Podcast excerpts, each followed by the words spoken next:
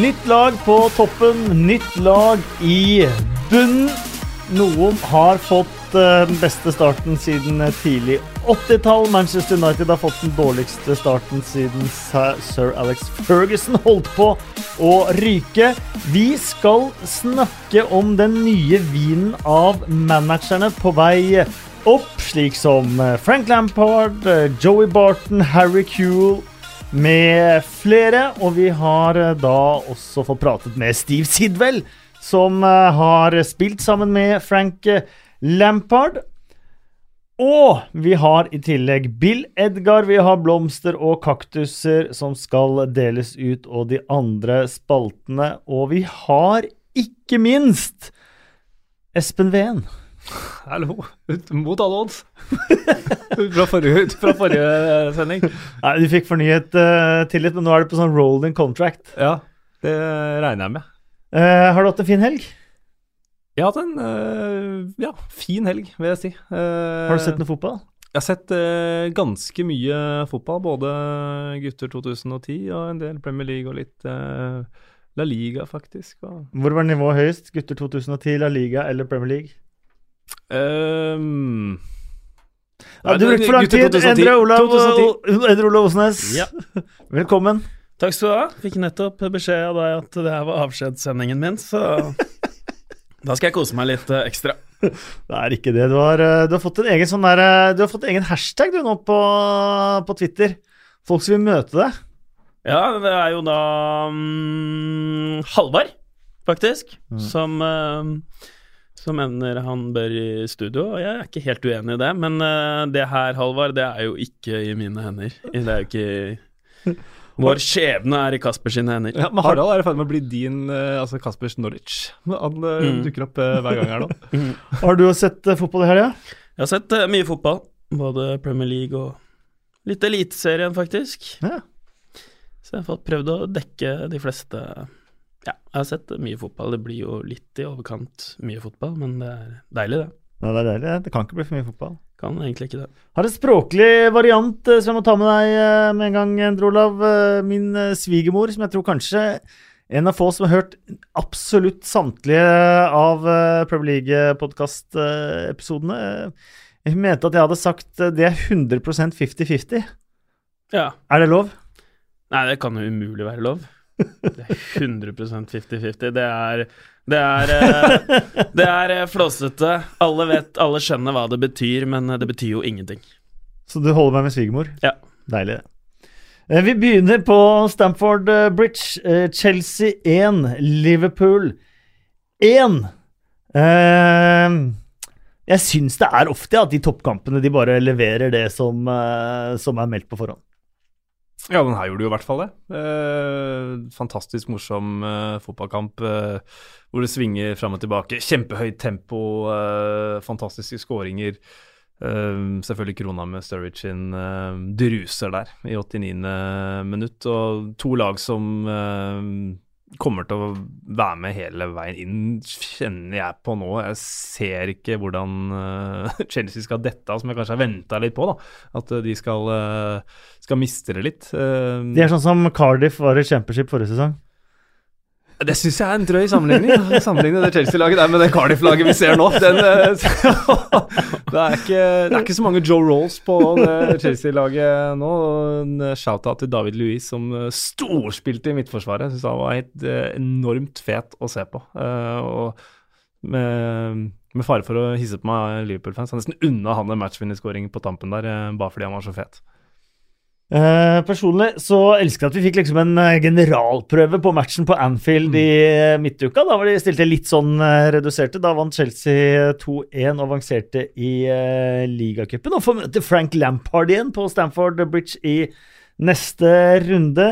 Eden Hazar uh, ble intervjuet etter kampen på Stamford Bridge. Uh, spurte hva han hadde pratet med Daniel Sturridge om etter kampen, for de to gikk og koste seg etter match. Og da sa han ja, han skåret jo eh, på onsdag, og han eh, skåret uh, i dag. Akkurat sånn som meg.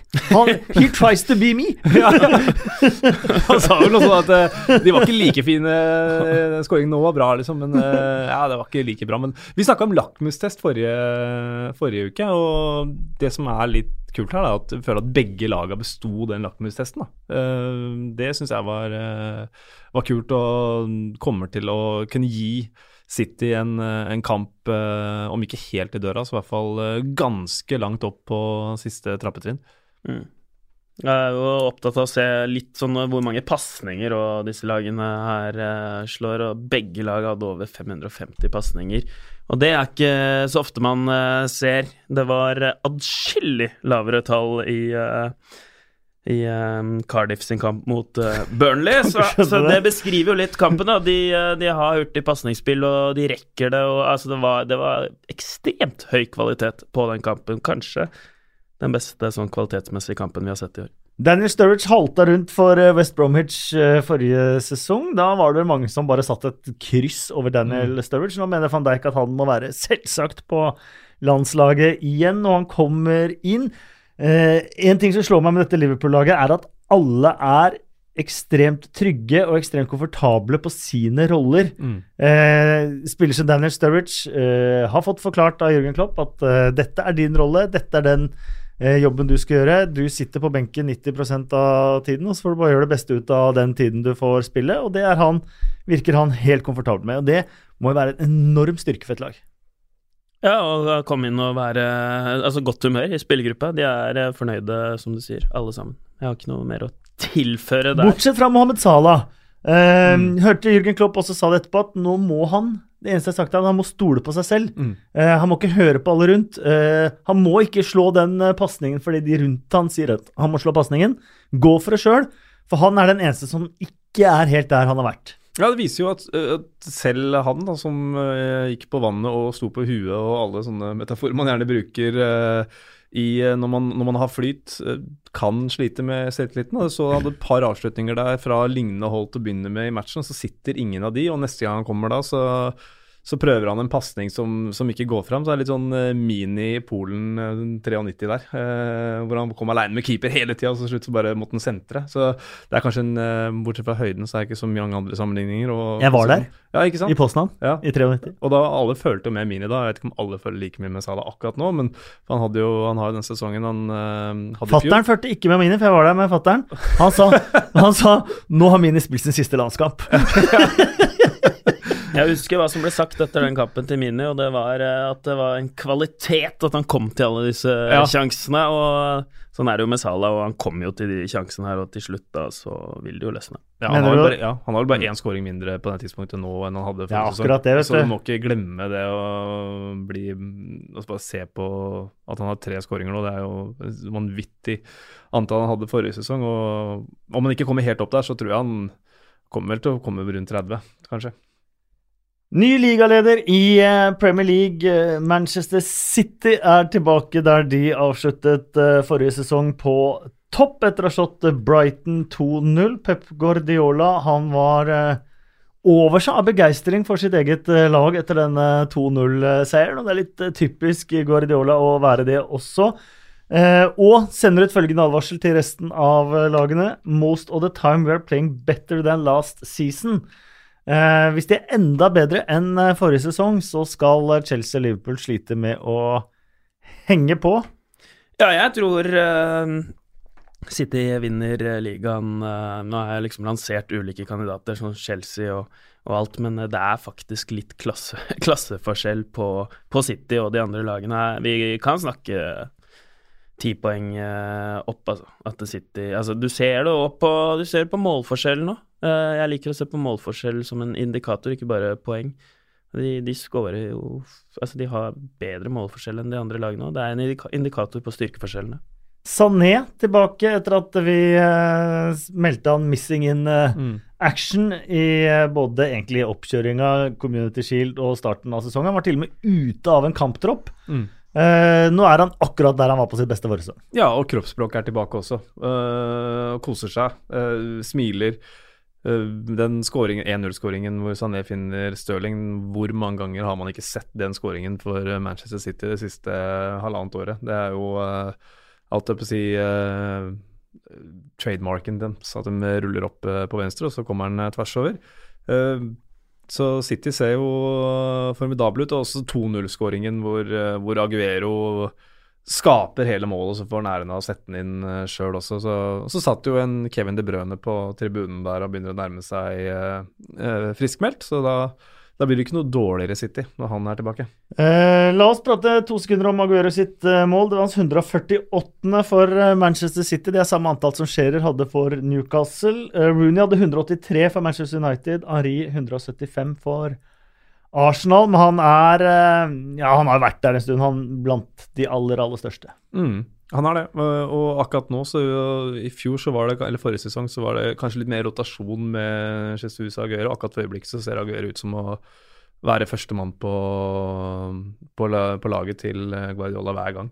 Eh, så han uh, går fra strength to strength, som det heter så fint. På, styrke til styrke. Er, jo, er, det lov å si, Endre Olav? Ja. Han har styrke til enda Nei, uh, han er jo uh, faktisk litt undervurdert, han uh, Aguero. For han har så mange blendende spillere rundt seg, så, så det er aldri han som i, Bar i, Barcelona så bygges det liksom opp rundt uh, Messi så veldig, og han får uh, alle overskriftene. og Sånn er det med Cristiano Ronaldo, men Aguero han har så mange andre rundt seg som er blendende da, og skrev, uh, stjeler overskriftene.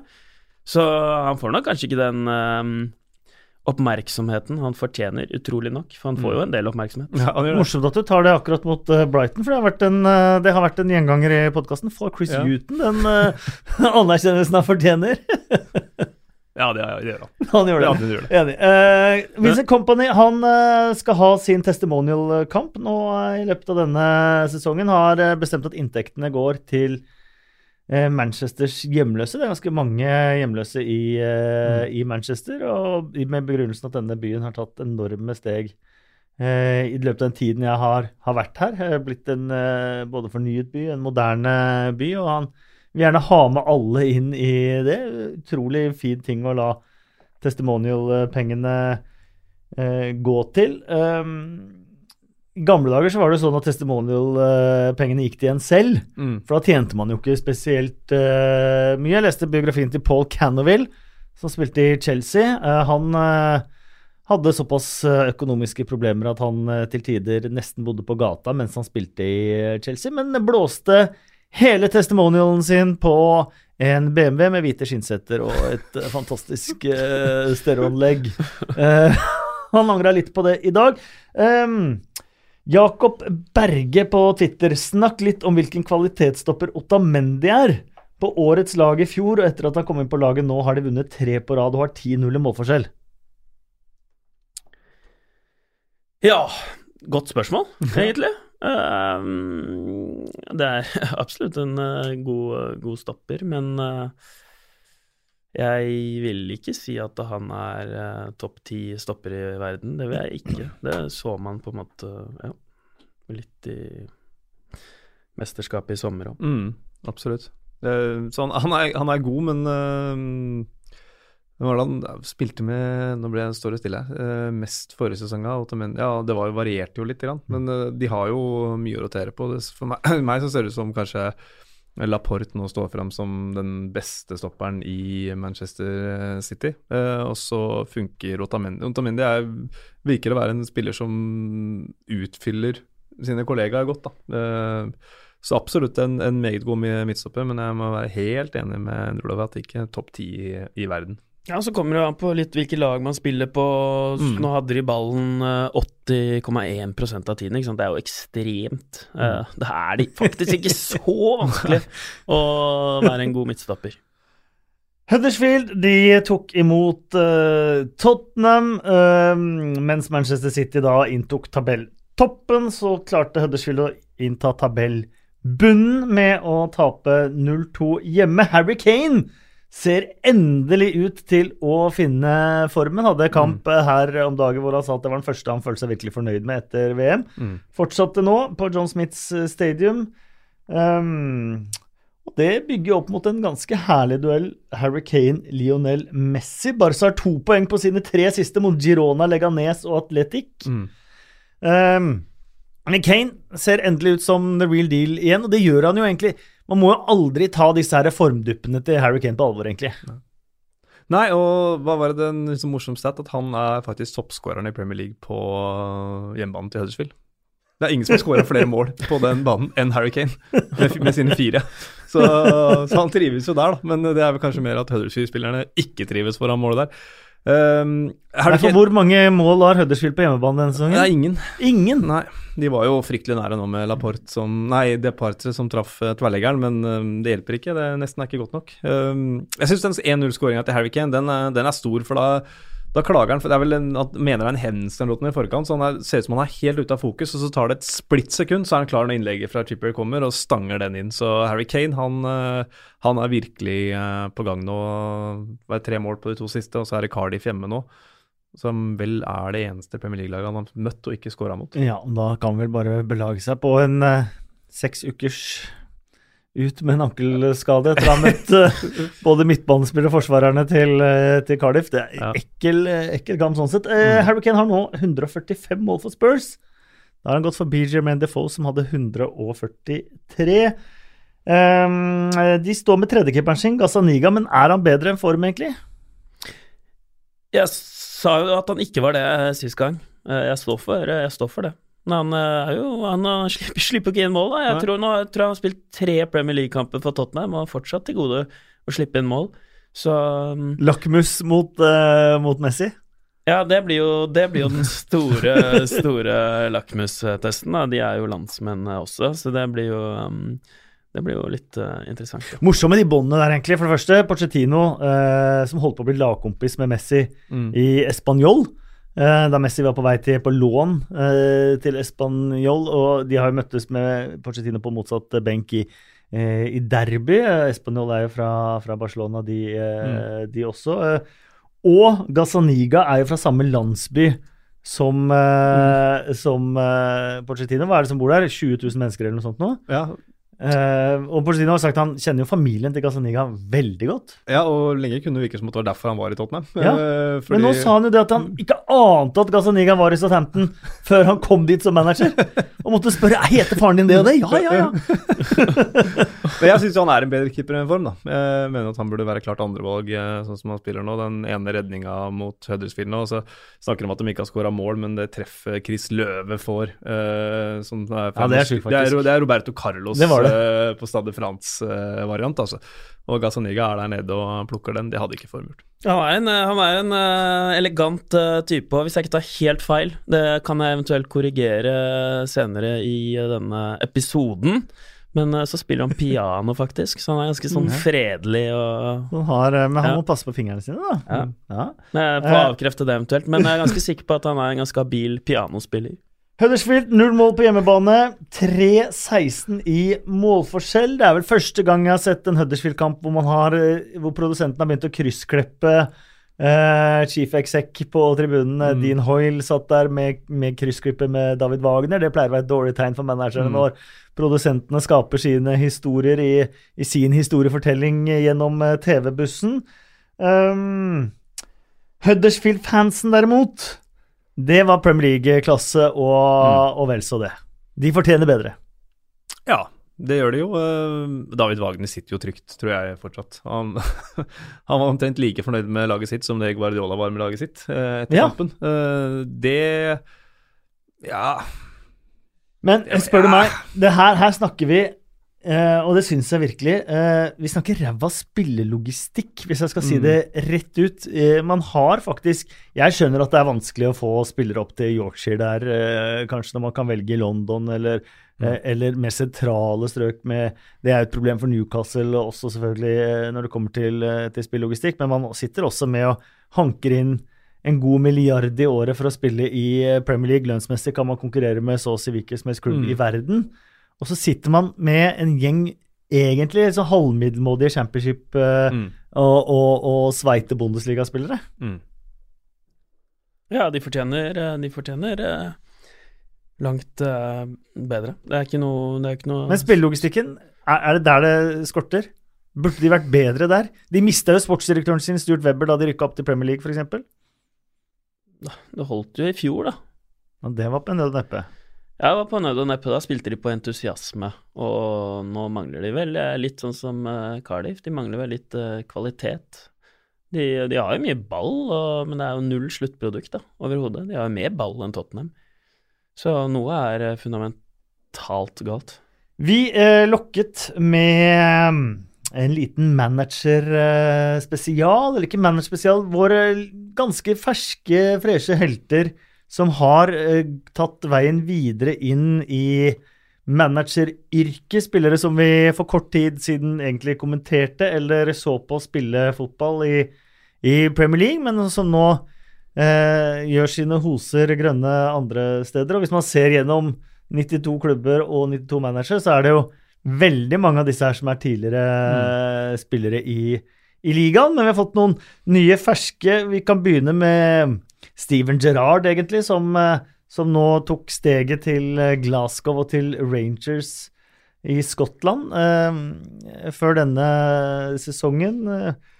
Fått en grei start i, i ligaen. Avanserte til Europaligas gruppespill. Spilte 2-2 mm. bort mot Villarreal i første, mm. første kamp der. Ser vi en fremtidig toppmanager?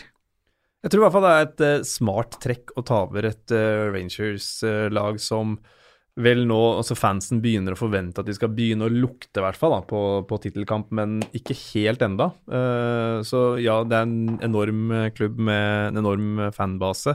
Samtidig som jeg tror Gerard får uh, god, godt med arbeidsro uh, og, har, og får tid på seg. Sjetteplass så langt, men kun to poeng bak Celtic. Og jeg tror det, akkurat det tror jeg er mye viktigere enn hvilken plass de har på tabellen akkurat nå. At de er i nærheten av Celtic, selv om jeg så det første Old Firm i år. Da ble, jo, da ble Rangers rundspilt av uh, Celtic, så det er fortsatt klasseforskjell på lagene. Men uh, Gerard uh, Veldig kult at han, han, er der han er. Og ja, kanskje. Om han kan han gå gradene. Det er et stort steg, da. Gå fra U18-laget til Liverpool og så til Rangers med det presset og alt det der. Det er jo et kvantesprang. Uh, så i måte, og det er ganske mye trykk der eh, borte hvis han ikke lykkes. Men ja, den her er jo Europa. Da. Det var jo mm. ekstremt mm. sterkt med 2-2 mm. borte mot uh, Villarreal. Så For meg så Spennende. Jeg syns også det er veldig spennende. Jeg syns de til tider spiller veldig bra fotball til verden skotske ligaen. Sett noen av, av kampene der. Men jeg syns også han går litt fort i den der fella med å ta dommeren etter match. Det har vært flere av kampene som har vært rett på dommeren, og det har ikke vært at dommeren har vært dårlig, men det har vært den derre eh, Dommeren er biased mot Rangers, og sånn har det alltid vært i skotsk fotball. Et par sånne uttalelser som jeg kanskje tenker at han skal passe seg litt for. Ja, han skal passe seg litt, samtidig som han vel nok får de som er glad i Rangers, på sin side, mm. da. Eh, det kan jo være et lite spill der også, for å, for å vise at han er her eh, ikke bare med fotballhjernen sin, med hjertet også. Eh, når han begynner å trekke den der historiske linja om at alle er mot Rangers. Ja, det er, eh, det er sjakktrekk, det, da, mm. egentlig. Sånn uh, for å få sympati um, blant uh, supporterne. Det der kan være helt bevisst. Sannsynligvis er det det òg. En annen kar, uh, Joey Barton, han har uh, bitt seg ut på et nytt kapittel mot, mot for manager i Fleetwood. Uh, Starta med å tape 0-1 mot uh, eh, AFC Wimbledon. Uh, fikk et par dommeravgjørelser mot seg da, men nektet å klage på dommeren. Og, han virker jo mer presidential kanskje enn man hadde tenkt at han skulle gjøre da Vi husker han som spiller. Ja, Joey Barton har jo også en uh, tendens til å kanskje ikke akkurat fullføre alle prosjektene han er med i. da. Han, uh, det, det, pleier å dette gjennom på et eller annet vis, at han mister det. Så, uh, har du trua, Endre Olav? Jeg har gjort litt hjemmelekser på Barton, faktisk. han sa jo at om noen spillere kommer til meg med et problem, så har sannsynligvis jeg gått gjennom akkurat det problemet. Så alle de problemene han har hatt uh, utenfor banen, på banen, det kom han til å profitere på, da, mm. som, uh, som, manager. I tillegg så ja, han var litt kul fyr. Han ser til amerikansk sport, da, og, og, bruker de som litt sånn forbilde. Og legger alt da i, i forberedelsene til, eh, til, kamp. Du har jo noen managere som er der på kampdagen liksom og skal coache og styre og sånt, men Barton er mer eh, trust the process, da. Eh, han prøver å legge alt til rette, og så overlater han da, når ting er ute av kontroll, saken til høyere makter. Og som prest så var jeg da spent på fortsettelsen, men Joey Barton sa da og de høyere maktene, det er laget. Så det blir spennende å følge. Han virker litt annerledes, og, og, og hente litt inspirasjon fra, fra, USA, da. Han tok jo over etter Ove, Ove Røsler. Eh, det var riktignok en caretaker fra, fra januar til i sommer. Ove Røsler har lagt et veldig godt eh, fundament i, eh, i Fleetwood. Jeg var og så de faktisk i, i januar. Eh, herlig lite stadion. Eh, veldig sånn lokalklubb i en by som på ingen måter er en fotballby i det hele tatt. Mm. Eh, litt lillebroren til Blackpool. Eh, ti minutters eh, trikketur fra, fra, fra Blackpool. Um, men vi husker jo alltid også Han er jo sånn siterer uh, litterære verker, mm. prøver å virke mm. veldig intellektuell. Er det noen som husker pressekonferansen hans i Marseille, da han plutselig la til seg en sånn fransk aksent på engelsken? Hvis du ikke har sett det, så gå inn og finn det på YouTube. Det er helt uh, fantastisk. fra en erkebritte som uh, suddenly was uh, talking like this uh, på, pressekonferanse. Alt høres jo mer sexy ut og bedre ut med litt fransk schwung. Så Joey Barton kan sin kommunikasjon. Vi husker Harry Kuhl godt. Han har vært i gamet lenger. Han hadde lenge problemer i Crawley. spillende fotball, vanskelig nede i divisjonene. Uh, nå har han tatt over Notts County etter at en annen uh, god gammel helt uh, fikk sparken. Kevin Nolan. Kevin mm. Nolan gjorde meget god jobb i Notts County. Tok Notts County fra bånn av tabellen til nesten opprykk. Men da sesongstarten denne sesongen var dårlig, så fikk han eh, sparken. Harry Cool tapte de to første med Notts County. Har nå to uavgjort før han fikk sin første seier hjemme mot Crew i helga. Og vet du hvem han møter i kveld? Crawley. Oh, så det blir, Cool Darby. Det blir meget uh, spennende. 0,83 i uh, poengsnitt der for uh, Harry Cool så langt. Han ble sparket i Watford sitt U23-lag. Ble han sparka i U23-laget? I hvert fall det jeg har fått med meg. Mm. gravd til meg av informasjon, og gjorde Han må Og hadde 1,16 i poengsnitt i Crawley. Så det her eh, blir en nøkkelkamp i kveld. Tirsdag altså for Harry Kewell, som spiller da en klassisk 4-4-2. Ikke helt um, overraskende, og det er også da Joey Barton sin uh, foretrukne formasjon. En som gikk lære hos uh, Harry Kuhl, som fikk lov til å komme inn litt som vikartrener for U23-laget til Watford, var jo hans gamle Leeds-lagkompis Lee Bovier. Eh, også han, helt fersk inn i eh, dette gamet, tok over som caretaker i eh, Charlton eh, forrige sesong. Fikk ikke jobben permanent før i september denne mm. sesongen. Det er fordi at Charlton er en klubb i fullstendig ruin. Eh, belgiske eiere, Roland Duchalet, Duchalet tror han heter. Skal Joey Barton til å si det. Ja, Roland Duchalet. Eh, han har ødelagt et par belgiske klubber som han har måttet selge seg ut av. Det har vært eh, enorme protester på The Valley nå i flere sesonger mot uh, Duchaleté Duchaleté? Jeg tror det er det. Beklager hvis det var feil, alle Charlton-fans, men uh, i respekt for dere så uttaler navnet hans uh, feil. Ja. Uh, men under de forutsetningene så har Lee Bowie gjort en massiv jobb i, uh, i uh, Charlton. Han tok det til playoff forrige sesong uh, som caretaker-manager. Har nå fire seire, én uavgjort og null tap på sine fem siste og sjetteplass på tabellen i et lag hvor alt annet virker å, å rase. Vi har sett Charlton-kamper bli avbrutt pga. griser av sånne små plastgriser har blitt kasta på, på, banen. Tennisballer eh, Det er eh, eh, Eierne har utestengt Eller inndratt sesongkort fra supportere som har vært kritiske på Twitter. Ja, under de forholdene må jeg si at jeg er fryktelig imponert over det Bowie har gjort. Ja, vi, vi, ser jo en trend her nå. Jeg vet ikke om dere litt sånn hardtarbeidende, i hvert fall midtbanespillere, som slår seg fram. Det, det, det har vært spennende å se noen tall da, på mm. det. Jeg føler veldig mye midtbanespillere som eh, blir eh, managere. Ja, og ikke bare altså Når vi snakker om Lee Bowier og Joey Barton, så er det jo ikke bare hardtarbeidende midtbanespillere, men det er jo midtbanespillere med fullstendig hjernemist med jevne mellomrom, så det blir jo spennende å se om de har gjort noe annet uh, som managere. fordi uh, det er vel, uh, kunne vært spennende om de henta inn Kieran Dyer som assistent i Charlton. Det, kunne, kunne, vært, uh, kunne vært trivelig. Han er sånn hardtarbeidende midt, uh, midtbanespillere som har hatt litt sånn uforløst karriere, og så elsker de å spille fotball, og så har de bare lyst til å jobbe med fotball, så har de sikkert masse å, å bidra med, og så kan, kanskje de roer seg litt når de får på seg en dress der. Ja, han ser faktisk ganske fin ut. Bobby, for Han kjører ikke dressen, han kjører genser, skjorte og slips. Ja. Løfta ser bra ut. Holder seg, holder seg fint. Eh, har dere spilt mye championship-manager, skråstrek football-manager i deres liv? Ja, fr ja, fram til for en ti år siden. Ja. Da husker du sikkert Michael Duff. Han var jo et av nesten Tonton Sola Mokoko-kjøp fra Sheltonham eh, i sin tid. Og plutselig så dukket jo Michael Duff opp i Premier League eh, for Burnley som en av de Kanskje en grå versjon av Matt Loughton. da er du ganske grå! Det er koks, koksgrå. ja.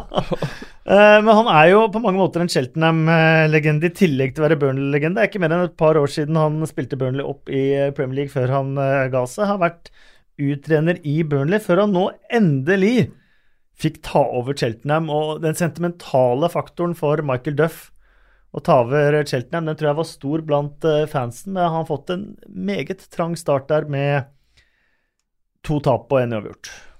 Jeg slutta å spille football manager når jeg satt klokka fire der i et kollektiv, og da hadde jeg, jeg vant alt med Deportivo la Coronia, og, og, alle de andre lå og sov. Jeg satt midt på natta der og var skyhøyt oppe, og så skjedde det jo ingenting. Det var den tomhetsfølelsen. Eh, etter jeg hadde vunnet ligaen der klokka fire på natta med forelesning eh, klokka åtte dagen eh, derpå. Da, da, tok jeg en pause. Det er sånn veldig, veldig gøy spill, men um... Men du husker Michael Duff, eller? Han og Jamie Victory, det var én back på hver side, en høyreback med Duff, og Victory venstreback. Det, det kunne hente det fra Cheltenham, og da da hadde du, da du sikra deg Premier League for noen år, på backsida i hvert fall. Ja, jeg må bare det, det, det Nei, jeg, jeg, hadde litt motsatt opplevelse av deg. Endre. jeg tror En av de siste jeg spilte, var når jeg spilte med Aberdeen. Og etter sju sesonger, sju sesonger, så detroniserte jeg Celtic og Rangers-hegemonia. Og da gikk jeg rundt i kollektivet mitt i Sunderland, det var også sånn i tre-fire-tida på natta, og jubla høyt. Og bare Yes, yes, yes! Det er så stort. Det er så stort. Og så for meg pressekonferansen hvor jeg satt og bare Ja da, nå er vi der.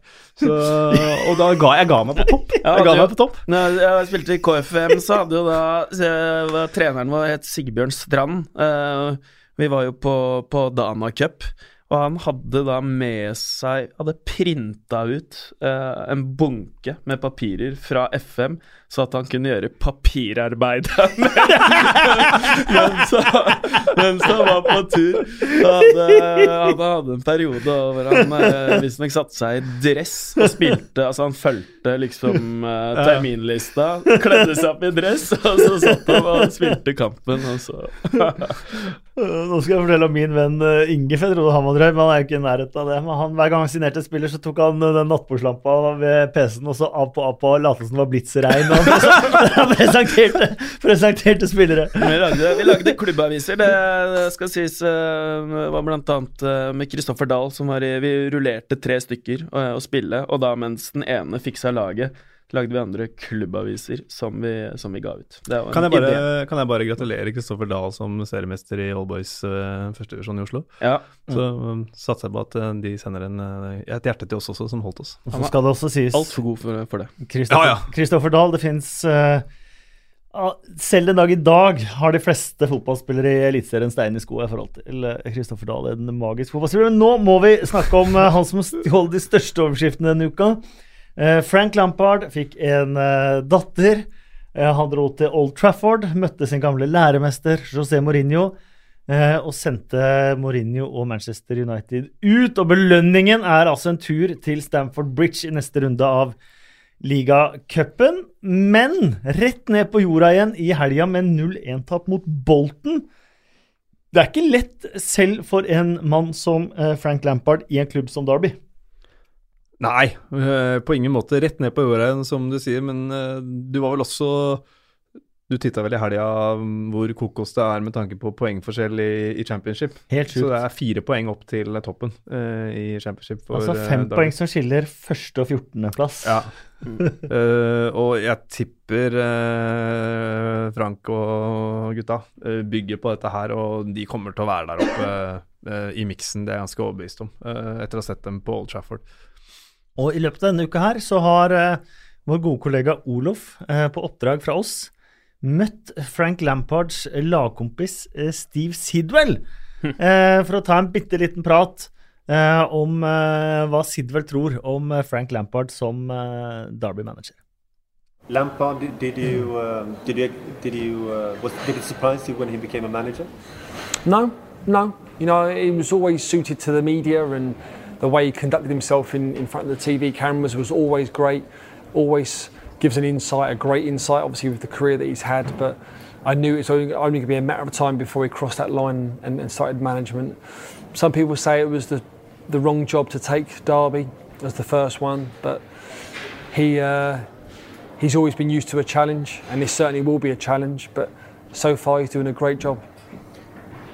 Uh, did you, uh, uh, as as ex players, do they have any kind of uh, uh, uh, advantage of becoming great managers? you think? Yeah, no, you have an insight. You obviously, if you've if you've played uh, football, especially at the highest level, for what, what Steven Gerrard or Frank Lampard have done, you have a better insight into into games, um, especially tactically as well, playing different countries uh, in, in in England and Europe.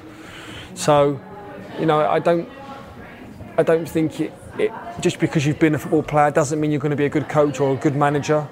No, you have to have the the mental toughness to to go into it um, because it's a it's a lonely world. But as I said, Steve uh, Steve Gerrard and, and, and Frank Lampard, they've got the mental strength to, to make it work. Is there could there be any kind of disadvantage of having been an ex-player when you when you enter the managerial role? Yes, I think there is, and I think the only way that could be is you could be sometimes too emotionally involved. Um, and, and what I mean by that is if you've, say, for instance, a Frank Lampard has played at the very, very highest level, and then he goes and takes a manager's job, say, for instance, at a League One or a Championship where he's gone to now Derby or a good team in Championship, but maybe a lower end uh, team that hasn't got great quality of players. Sometimes you're thinking, you know, the way that you've played and the standard that you set for yourself and the players that you played with back in your playing career, because obviously they're not as these players that you're coaching now are not as good as them. You can sometimes judge them too quickly. So you have to adapt yourself to new surroundings, which I think he's done. He's gone down the road of getting younger players in, um, which I think is a good idea because they're they're like sponges. They want to learn. They're open to learning. So. Um, yes, I think it can have a downfall, and I think that could be just sometimes you could maybe get too involved. Are there any other uh, players that you've played with that you, you could see becoming a great manager? Oh wow! They always they always say it's the ones that you you don't think will um, will go on. I, people like Mark Hughes uh, that I'd uh, that I'd worked under twice at Fulham and Stoke. People said they would never thought he would have gone on to be a manager. Um, I'm working closely with Liam Rossini at the moment at uh, Brighton, who's doing the under 23s, and I think that he's destined to, to be a top class manager. Eh, Sidwell har noen gode poenger både om fordeler og ulemper ved å være eks-spiller og skulle være manager. Det føler jeg har vært liten sånn ankepunkt mot flere av de beste spillerne når de skal være manager, både i hockey og fotball, egentlig. At eh, de selv har hatt et så enormt høyt ferdighetsnivå som spillerne ikke har vært i nærheten av. At de noen ganger gjør det litt for vanskelig, og andre ganger bare irriterer seg over at spillerne de har til rådighet, ikke er like gode som de selv var. Ja. Det er, eh, det er eh, Men der eh, Frank Lampard Han har på en måte alltid jobba knallhardt, da. Mm. Han har Hva var det Floyd Hasselbank eh, sa? At han hadde et bra skudd, han hadde middels teknikk, han hadde grei fart. Eh, han taklet hele kvelden. Det var ingenting spesielt eh, med han. Han kom til, til Chelsea eh, i, tidlig. Og de henta inn store navn, men han, han brydde seg ikke om det. Han er ekstremt sterk eh, mentalt, har jobbet alltid for å bli bedre, så han veit i hvert fall hva som, Mm. hva som skal til. Og hvis han tar med seg den mentaliteten som, eh, som trener, så um, tror jeg det er veldig bra. Han har alltid vært god i motgang, han har hevet seg i motgang, han har gode holdninger. Mm. Og så, så det, er, det er annerledes på en måte med Maradona, på en måte, føler jeg, som Mm. har et ekstremt uh, talent. da. Vi må videre. Vi må til eh, London eh, Stadium. Manchester United uh, har levert sin dårligste sesongstart siden 1989. Eh, Riktignok hadde de like mange poeng etter like mange runder den første sesongen til David eh, Moyes, men de har dårligere målforskjell eh, nå enn det de hadde da. Alle overskrifter har vært Pogba og Mourinho. Eh, selvfølgelig så visste Mourinho hva han gjorde da Sky-kameraene var rettet mot treningsfeltet det første kvarteret, og han tok det som så ut som en eh, fight eh, da. Eh, Pogba, eh, etter 1-3-tapet, eh, vandret eh, halvsmilende gjennom eh, mix-zone etter eh, rapportene, og da han fikk spørsmål han kunne stoppe for å ta et par spørsmål, svarte han 'Do you want me dead?' før, han gikk, før han gikk videre. Eh, ble tatt av etter en time. Alexis Sanchez ute av troppen. Eh, Mourinho virker å være ikke på godfot med egentlig noen av de sterke spillerne i troppen eh, nå. Antonio Valencia antageligvis kanskje den eneste vennen han, eh, han har igjen eh, nå. Er dette nå gått inn den veien hvor det ikke er noen vei tilbake, eller finnes det en vei ut av dette her? Altså, jeg klarer ikke å se sterke nok argumenter for at Mourinho skal klare seg snu dette. Det, det gjør jeg ikke. Ehm, jeg tror Øyvind eh, var inne på det, og Petter i kommenteringa også, at det, hvis han ikke har fansen, hvem har han igjen da? Da har han igjen Ashley Young, da. Og Antonio Valencia. Eh, for Ashley Young han tror jeg han gjør alt det Mourinho sier, eh, uansett. Men eh, bortsett fra det, så, så hva, hva er det han har? Hva har han vist til akkurat nå? Det er eh, eh, trofeer for eh, eh, fra tidligere sesonger, men ingen av de virkelig store. Eh, har noen borteseiere, eh, eller sterke seire mot Manchester City, mot Liverpool, mot Tottenham. Ja, det, men det var forrige sesong. I denne sesongen så ble de, eh, ble de slått av Tottenham på Old Trafford, selv om de spilte bra i første omgang. Så jeg klarer ikke helt å se hvordan Mourinho skal få dem ut av den, eh, den negative spiralen de er. og Det, det syns jeg er et nøkkelord med Manchester United. Den negativiteten som, eh, som er rundt klubben. Så det er jo ingenting som er positiv. Vi så de bildene fra, fra Champions League-treningen i, i Bern før Young Boys. Da virka alt fryd og gammen. og bare, ja, Kanskje nå, ja, så vinner de den kampen, og så er det liksom tilbake til å, å få et heldig poeng hjemme mot Wolverhampton, som er jo er et fantastisk fotballag, men det er fortsatt et nyopprykka lag på Old Trafford. Og United skal jo ikke få et heldig poeng der, de skal vinne den kampen. Hvem eh, overlever fighten? Mourinho eller eh, Pogba? Kan begge bli? Eh, Jeg tror ikke de kommer til å vinne Premier League eh, Nei, men, eh, med verk, Ja, eller Champions hvem- League. hvem hvem verken Pogba og med, Ja, jeg skal svare på det. Verken med Mourinho eller med Pogba. Begge de eh, Så begge ut? Ja.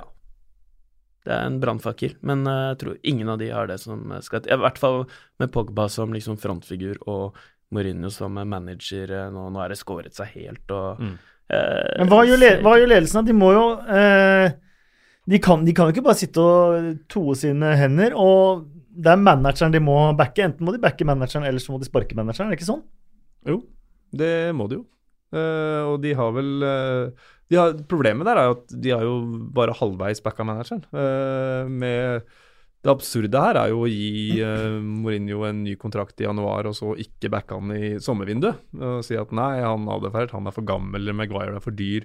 Uh, sånn type ting. Men så er det også det med at Mourinho er så god til å god da i anførselstegn til å påpeke dette her i pressen hele tida. At ja, jeg fikk ikke de spillerne jeg vil ha, jeg må klare meg med de eh, 70 millionene med pund med midtstopper jeg har kjøpt inn. Uh, buhu. Uh, jeg må bruke Scott McTominay som Han kan jo ikke gjøre noe galt, uh, mens eh, Martial eh, kan ikke gjøre noe riktig. Pogba kan ikke gjøre noe riktig. Så litt sånn synd på Scott McTominay også, som blir symbolet på liksom den negativiteten, da, uh, tenker jeg. Men uh, Det er fordi uh, sir Alex vil bruke McTominay. Det er derfor Mourinho gjør det. Så det her er, det her er en ekstremt vanskelig greie, men det kommer ikke til å gå bra. Det Ja, noen, det, å, nå er, var ikke bare Sanchez heller, nå vil jo Sanchez bort. Uh, og Lingard, han var jo overraka. Mm. Så det her er jo um... Og han famler med formasjoner, Mm. han famler med konstellasjoner. Eh, resultatene de kommer ikke Det gjør de for Westham. Ja. 2-1-0 nå på de tre siste mot Everton, borte Chelsea og Manchester United. Det er jo råsterkt. Eh, jeg må bare si at jeg syns det er litt magisk å se Filippe Andersson spille fotball. Altså. Ja, det er eh, gaver til de som eh, liker å se eh, noen behandle ball og skli rundt som en isdanser. Det er fantastisk å se på. Fikk han scoring, òg, det er utrolig deilig. Jeg vil bare korrigere. altså grunnen, Jeg syns Pogba er en fantastisk fotballspiller. Jeg vil ikke, altså sånn Selvfølgelig kan eh, Manchester United vinne med han, men jeg tror ingen av de er å se i Manchester United eh, hvis vi ser eh, neste sesong, da. Ikke engang hvis Zidane tar over, få en fransk manager inn der. Kanskje det. Kanskje det. Så jeg skal være forsiktig med hva jeg sier. Og jeg syns Pogba er fantastisk, men nå ser begge på vei bort ut. Men var det dette, det var det jeg mente. Var det dette Sir Alex Ferguson egentlig så i sin tid? At dette er trøbbelet du får med Pogba? Ja. Det er klart eh, nå, Han følte seg jo lurt av eh, agent og Pogba glapp, og det er jo det som blir sagt uh, utad, men hvis, hvis eh, sir Alex hadde virkelig villet uh, beholde Pogba, så hadde han klart det. Det er jo uh, klart, det. Eh, Tror jeg. Jeg bare heller litt kaffe hvis det er Du kan få litt kaffe, du òg, Espen. Jeg kan ta for det. Ehm, Arsenal de vant 2-0 mot uh, Watford. Plutselig har de syv strake seire. Fem av dem i uh, Premier League. Uh, Bernt Leno uh, kom innpå og gjorde en fantastisk eh, omgang etter at Petter Czech måtte ut med skade til eh, pause. Prosjekt Unai Emery ser Nå er det ikke noe kaffe igjen til meg. Men ja, sorry, Kasper. Sorry. Hva var spørsmålet? Nei, det var, noe, det var ikke noe Unai spørsmål. Var- Emery-toget ser Ja. ut til å være på skinner. Det er eh, et Arsenal-lag som har spilt sånn som de har gjort eh, de siste kampene. Uten å overbevise så har de vunnet eh, fotballkamper allikevel. De var ikke ekstremt gode i denne kampen her heller, men de får med seg resultater, da.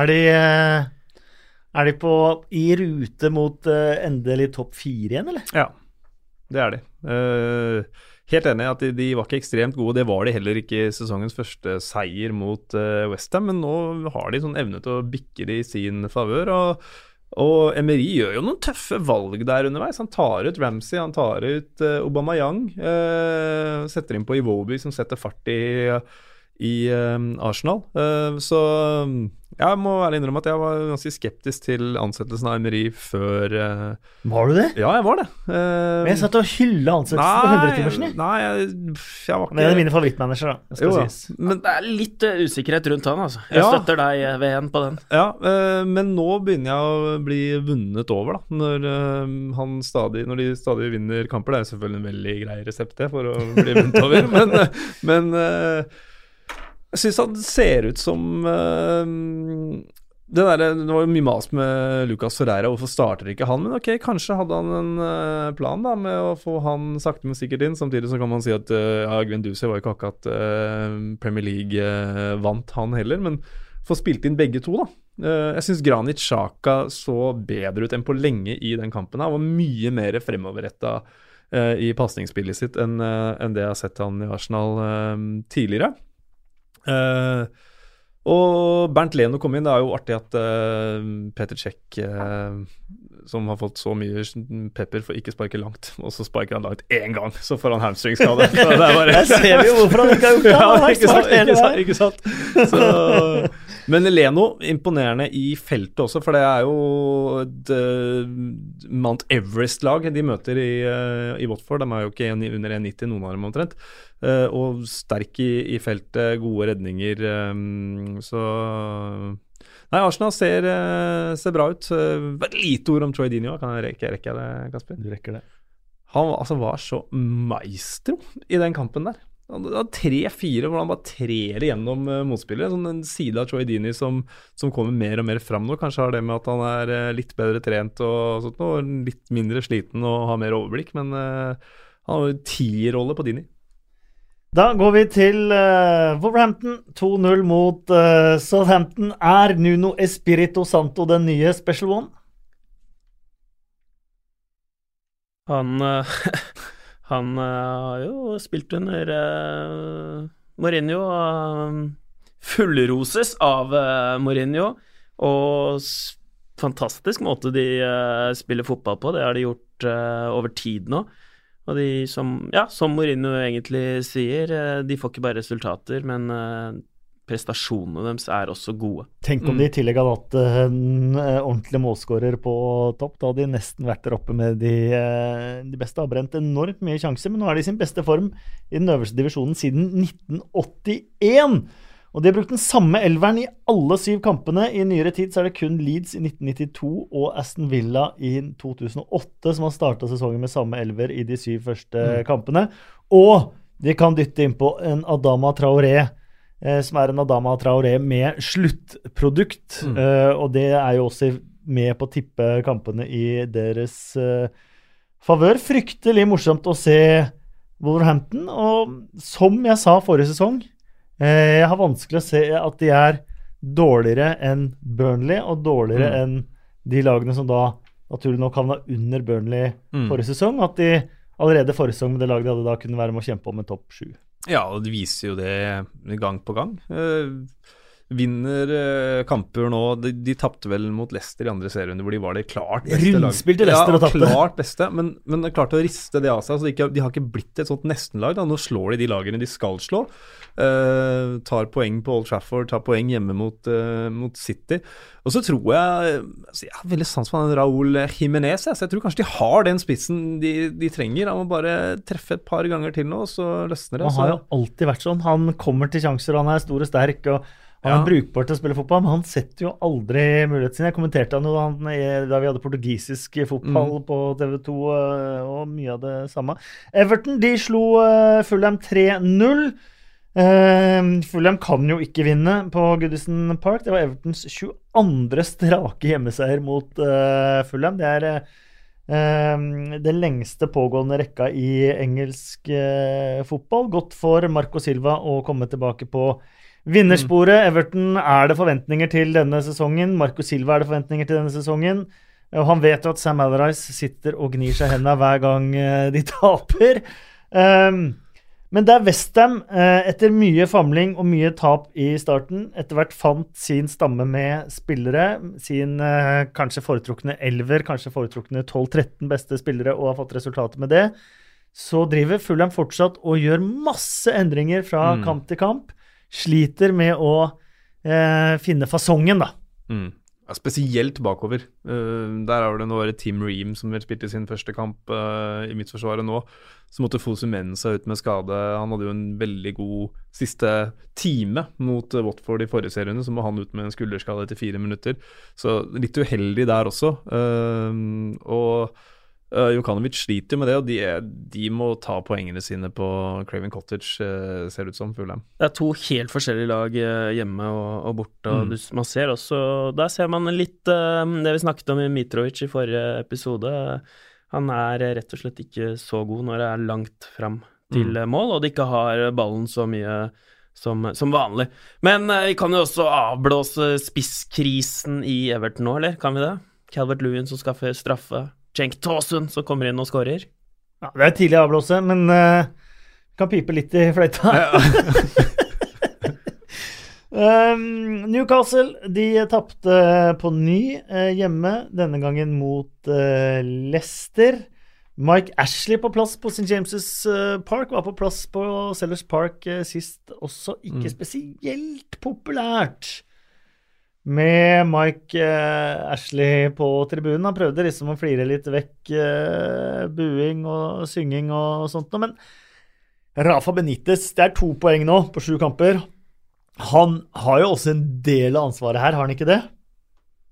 Jo. Jeg fikk kjeft av en Newcastle-supporter sist for at jeg ikke tok opp at de har hatt så enormt tøft kampprogram.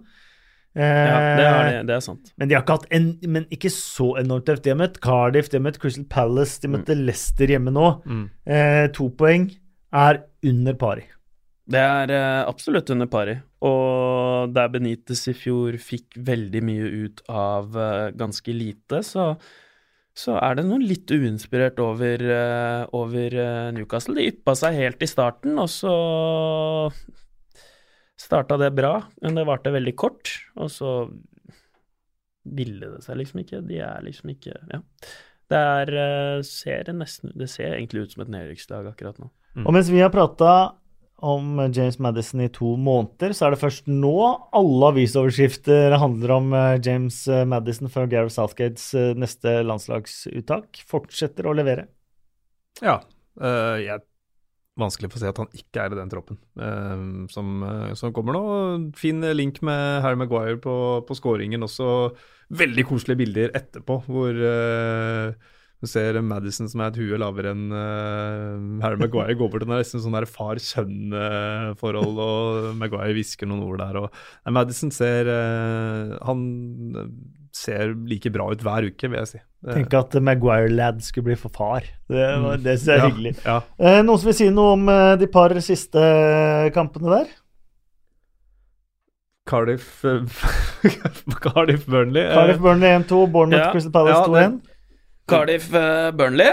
Jeg har uh, lyttet meg opp på pressekonferansen jeg, til Warnock som uh, vanlig. Og der uh, sier han at de tapte jo 2-1 mot Burnley. Og dette er, dette er det beste jeg får til. Det går ikke an å gjøre mer enn det her. Gutta har hjerte, og så trekker han seg tilbake, og så forklarer han et lite stikk til klubbledelsen at eh, forskjellen her var eh, Joe Hart, og det er det man får når man betaler for kvalitet. Så han etterlyser litt kvalitet, men han har gjort jobben, og mer går det ikke. Så dette var toppnivå. Og da skal vi ta med en uh, tweet uh, til her. Uh, litt usikker på hvem som meldte den, men blomst til Kasper som hadde tro på Joe Hart i Burnley. Ikke mange som var enig med deg, men så langt spiller han som Englands første keeper. Ja. Ja, enig i det. Rett og slett. Blomst. Du kan uh, gå på en eller annen butikk og skaffe deg en kvast. Å, jeg, får ikke, jeg får den ikke, jeg må kjøpe sjøl. Ok. ja, jeg, jeg, så, jeg er eh, ikke så raus. To ord om uh, Mamadou Sakho. Uh, synder mot Newcastle. Han uh, brant en heading uten keeper på blankt mål fra én meter. Ja, og nå Albjørn Hefferson lærer meg på slutten å straffe til Bournemouth matchvinnerstraffe. Uh, hva skjer i hodet til uh, mannen som var kaptein i PSG som 17-åring? Ja, Der er lyset på, men det er ikke noen hjemme. Altså. Når Mike Dean rett før uh, sier at uh, bare 'jeg følger med på dere', og så langer du ut den. Da Couple of sandwiches short of a picnic. Godt sett av uh, Mike Dean. Han er Ja. ekstremt eh, god eh, i de situasjonene der, eh, Mike Dean. Men uh, da Sako inn i en ekstremt eh, tung periode som eh, vi får håpe han kommer seg ut av. Da eh, går vi til eh, blomster, kaktuser og det andre. Det var moro å se på. Morata var kjempegod. Hva i all verden? Er. Han snakka ikke om seg sjæl, han snakka om dommeren. Ukas eh, blomst. Eh, for meg så er det jo litt å se på dere to blomster i dette nye studio, men eh, dere spilte ikke Premier League i helga, så noen som har lyst til å komme med noen kandidater til, til blomster? Ja, vi, altså, I stad når vi snakka om uh, Westham og Manchester United, så snakka vi jo ikke om, så mye om prestasjonene til Westham. Jeg syns Mark Noble hadde en uh, blomsterkamp for, eh, for hjemmelaget. Det er han som setter opp 1-0, det er han som setter opp eh, 3-0 der. Eh, ja, han fikk kanskje enklere arbeidsforhold enn man skulle forvente mot Manchester United, men eh, Boy oh boy, som han tok vare på mulighetene han fikk. Så han dikterer spillet, er jo mm, Captain Marvel for det laget der. Um, så jeg vil gitt en eh, blomst til, eh, til Mark Noble. Ja, er vi enige enig i det? Jeg ser Rikard Mathisen på Twitter gir blomsten til eh, Joe Hart. Um, for kampen han uh, leverte. Henrik Laursen vil gi den til Daniel Sturridge, the comeback kid. Um, men han er vel kanskje på rundens øyeblikk nærmere. Jeg syns Joe Hart er godt innspill. Tok den der eh, Englands number four eh, med et eh, smil der. Fikk jo den fra Cardiff-fansen. Så han var- var godt fornøyd med det, egentlig. Han var glad for at han var i miksen. Ja. Så, det, det så jeg, jeg er enig med, med Joe Hart òg. Ja, skal vi inn til Joe Hart, da. Um, rundens eh, øyeblikk. Da var vi innom eh, Daniel Sturridge, men jeg syns Eirik Aases eh, forslag er mye bedre for de som har sett det. Og da må vi ned en divisjon.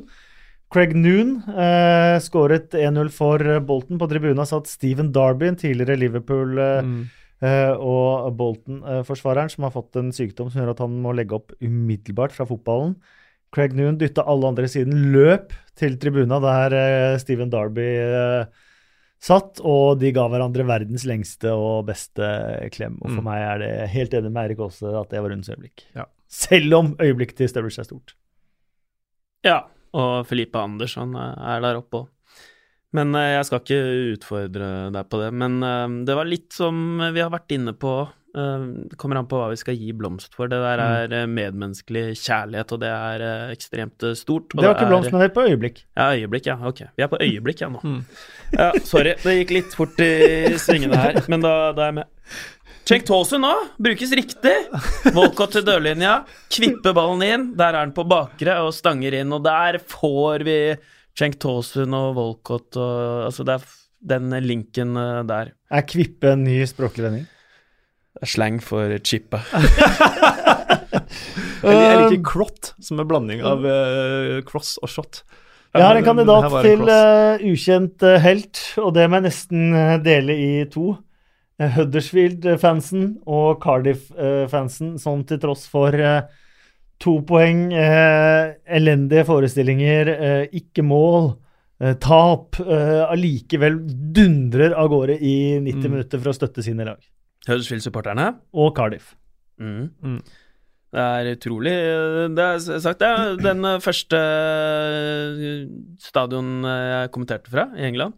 Kan bare tusle bort fra sentrum. Gangavstand, og det var ekstremt god stemning eh, der. Men da vant de jo over Manchester United, så da er det ikke så rart at det er eh, god stemning. Men eh, det er jo gledelig at det også er supportere som står fram i motgang. Definitivt. Uh, kaktus, den har jeg lyst til Dere må bare komme med egne kandidater. Altså. Det er Anthony Taylor. Uh, som Henrik Laursen uh, skriver, han bidrar til filming ved å ikke gi Lacassette straffen når Lacassette holder seg på, på beina der. Ja, jeg er jo, jeg er jo enig i det. Samtidig så Det er kanskje bare hjertesykt personlig at jeg burde sikkert tatt det, for jeg kommenterte kampen, men jeg syns det er vanskelig å se i hvilken grad det er berøring der. Uh, og jeg syns det er fint at Lacassette prøver å holde seg på beina, jeg synes det er også kult Men neste gang kommer han til å koste seg. For ja, gjør han det? Uh, er ikke så for meg så virker ikke Lacassette som typen til det. For det er ikke han som klager, det er medspillerne hans han som klager på dommeren etterpå. Uh, Lacassette han spretter opp igjen, han. Og litt ja, okay, ok, men det. lagkompisen hans kaster seg neste gang, da. Ja, det gjør de. Uh, samtidig som den, den situasjonen er Jeg, jeg syns den er marginal, da. Eh, og, men jeg, jeg kan være enig i det at uh, Du kan få et par andre kandidater fra de som begynner å bli drittlei uh, det som skjer på Manchester United. Uh, Jørgen Skjervø Kvitland. Nok en gang kaktus til hele gjengen som deltar i sirkuset på Old Trafford. Eh, Odd Christian, ukens kaktus er hele Manchester United som ikke prøvde engang. Ja. Det, den er Folk begynner å bli lei nå. Den er jeg veldig enig i. Det var en sørgelig eh, forestilling. og Jeg snakka med en kompis som er- er Westham-supporter. Han mente han aldri hadde sett et så dårlig lag på London Stadium. Så spurte han regner du med Westham da. Uh, nei. Eh, men uh, altså motstanderlag, da. Ja. Hva var det? De hadde hatt 58 sprinter. Ja.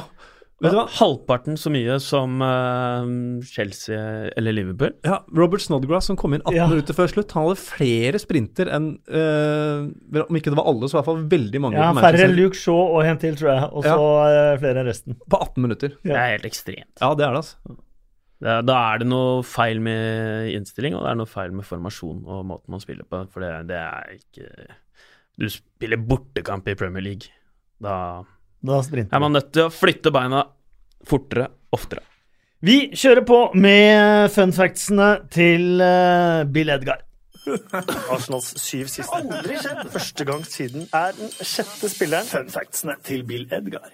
For nye lyttere, Bill Edgar er uh, mann som uh, uh, har sine på siden betraktninger i eh, The Times sitt mandagsbilag The Game, hvor han eh, prøver å finne noen fun facts fra gang til gang, og vi liker å referere de her i denne podkasten.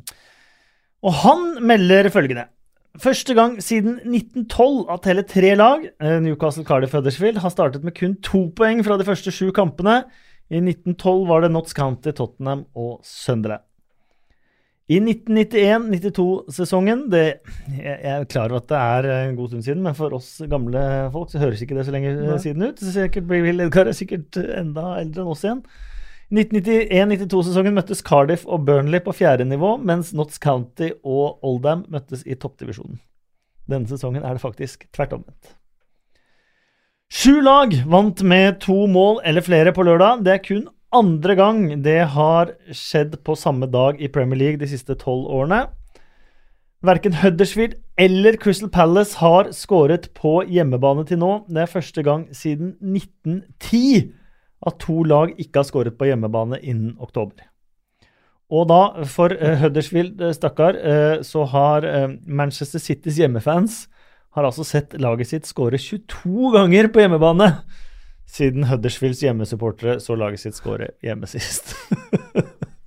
det er noen lag det er litt tøffere å holde med enn andre. Ja. Ja, det er Rett og slett tungt. Det er det. Men de var gode. Vi får se et opplag, da, eh, Huddersfield-supporterne. Og det, mm. det, jo, det var jo litt av gleden uh, forrige sesong. Nå kommer topplagene på besøk, endelig er de der. Mm. Så kanskje de er litt der fortsatt. Men det er litt uh, Det er litt sånn som Cardiff hjemme mot Burnley, da. The glamour of Premier League er selvfølgelig å ha Manchester United og Liverpool og City, og Arsenal og alle de på besøk. Men kampene mot Burnley, det er der de må vinne. Ja. Det klarte de ikke. Uh, ja, vi har vært innom litt på uh, på, på Twitter, Twitter, også. Um, så vi, uh, vi, lar det få bli med det. Mange som har Sturridge som rundens øyeblikk, som Morten Løvdok hadde det. Helt rå scoring. Um, Jørn Espen Nilsen spør litt merkelig at Luke Shaw er den som uttaler seg på vegne av spillerne etter Uniteds flause mot Westham. Hvor er profilen i laget som skal stå fram i tunge perioder, eller er det Shaw som er den spilleren? Dette er det vel medieavdelingen til mm. Manchester United som styrer fort? Ja, og det er, det er, jo en av de tingene med Manchester United. Da. Hvor er lederne? Hvor er lederne på banen? Uh, de er jo ikke der. Hvem er det som skal stå fram og ta tak? Uh, Ashley Young er uh, kaptein, Sonja Valencia er kaptein. Og Valencia er sikkert en, en, god kaptein som rollemodell, men for mange Manchester United-supportere som har vært vant til Nemanja Vidic, til Roy Keane, til Steve Bruce, altså de ledertypene der, da. Det er kanskje en sånn type de trenger. Apropos de managerne vi har snakket om i dag, altså mm. Frank Lampard, Gerrard ja. Det er ikke lett å se mange managertyper i det Manchester, fremtidige managertyper i det Manchester United-laget nå. Og Mourinho har jo sagt Scott McTominay kommer til å bli en kanonmanager. ja. når han, han trente Porto, så har vel 75 blitt uh, managere, mm. så kanskje han trenger uh, rett og slett uh, ledertyper for å gjøre det bra. Eller det gjør man uansett, men mm. kanskje han blir da mindre kan trekke seg tilbake og bli litt mindre autoritær, da, hvis han hadde hatt de ledertypene som hadde mm. vært en avlastning, men indre justis, da. Ja. Apropos John Terry på vei uh, inn i Chelsea-systemet igjen som uh, U-lagstrener. Uh, vi kan ta med at Coventrys keeper Lee Burge dro på hockeymatch i, etter, etter, sin egen kamp i helga. endte opp med å få pucken i huet. så han er, han er usikker til kveldens kamp mot Portsmouth. Han tvitra selv 'Great night at the ice hockey won't be going there again'. Må følge med når du er på hockeykamp. Ja, det er heads up. Heads up. Heads up hele tida.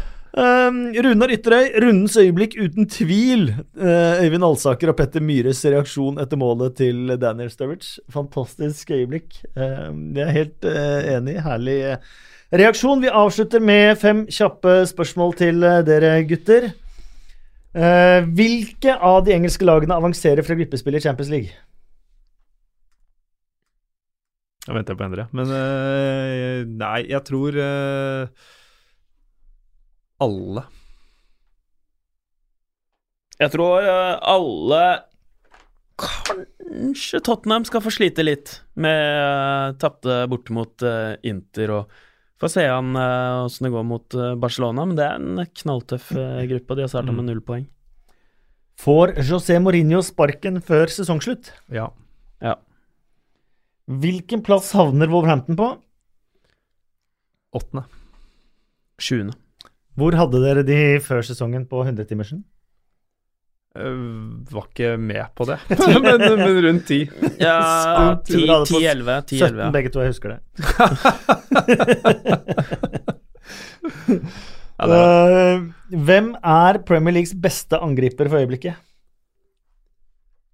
Eden Hazard. Ja, det er jeg enig i. Aguero òg, men uh, Hazard. Hvilken nordmann ender opp med flest skåringer i Premier League denne sesongen, og får noen av dem tosifra? Eh, Josh King, nei. Joshua King, uh, ja um, Kan klare det. Kan klare det. Ja. Ja, ja. King, ja. Supert! Har dere hatt det fint? Ja, veldig, veldig bra. Ja. Det var uh, stort, det. Mm. I avskjed- avskjedssendingen min. Du skal få komme igjen, Endre Olav. Det er så hyggelig å ha deg her. Veldig fint med nye lokaler og sånt. Eh, Jeg, bare- jeg, jeg satser på at jeg får komme hvis Endre får komme. Jeg hadde litt eh, Jeg jeg er litt skuffa over, er liksom Jeg hadde jo liksom gjort litt hjemmeleksa mi på de managerne her, så jeg har liksom et par par jeg egentlig har lyst til å gå over, men jeg skjønner at det ikke er tid for det Nei, nå. Men, hvorfor kom du ikke med de det da vi snakka om det? Nei, for toget gikk, da. Uh, suste av gårde fra perrongen der uten at jeg satt på det toget. Hvem er det men du Gary nevner? Monk er jo spennende å snakke om. em, Mido Sami Hyppie, som eh, ikke har fått helt sving på trenerkarrieren sin. Her er det mye å ta tak i, så folk får bare kose seg med det. Så kanskje vi kan komme ser tilbake at, til det litt. Ser at Mido tar eh, Sala i forsvaret, eh, forsvaret her, at eh, dette kommer til å komme. Jeg tror dere Sala hører på Mido? Kan du? Jeg tror ikke han trenger å høre på det. det jeg tror det kommer uansett. Jeg tror, det, altså, Mido er ikke Han er ikke Lilly Bendris. Jeg tror de aller fleste ser at det kommer til å løsne for Salah. Um, vi er på Twitter. 2PLpod heter vi eh, da. Kom gjerne med dine innspill og eh, betraktninger eh, der. Også kom gjerne med forslag til gjester. også.